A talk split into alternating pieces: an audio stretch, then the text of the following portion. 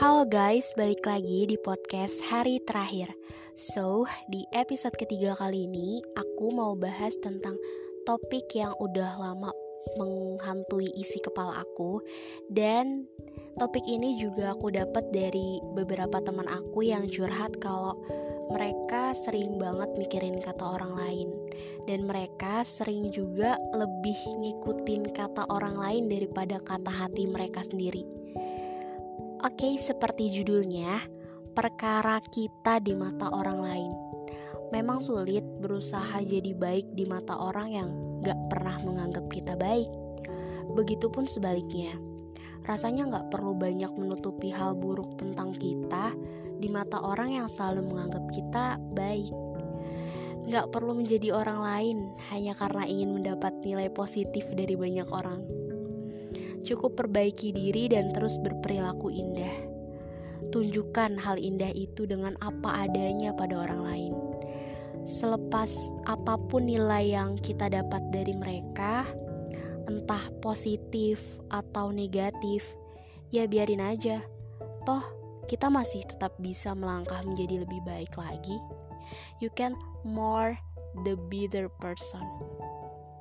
Ejekan-ejekan mereka yang suatu saat akan berubah menjadi tepuk tangan adalah sebuah apresiasi diri yang akan mereka nilai sendiri. So, sampai kapan? Sampai kapan mau terus-terusan mikirin omongan orang lain? Sampai kapan mau terus-terusan bangga atas pujian orang lain? Di saat kita jatuh, gak akan banyak tangan yang ingin membantu kita bangkit. Begitupun saat kita terbang mencapai langit. Pasti banyak manusia yang bersorak-sorak hebat dan berusaha menggapai setiap sisi sayap kita. Iya gak sih? Ya intinya, kalau kita terus-terusan mikirin penilaian orang lain tentang kita, kita nggak bakal maju, bakal stuck mentok di situ-situ aja.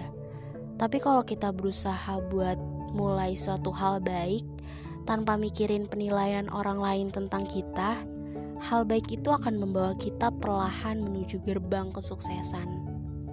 Jadi paham kan? Kita bertindak nggak melulu harus seperti apa yang orang lain nilai itu positif. You can do more than what other people say. Semangat jadi orang baik. Semangat untuk menjadi lebih baik setiap harinya.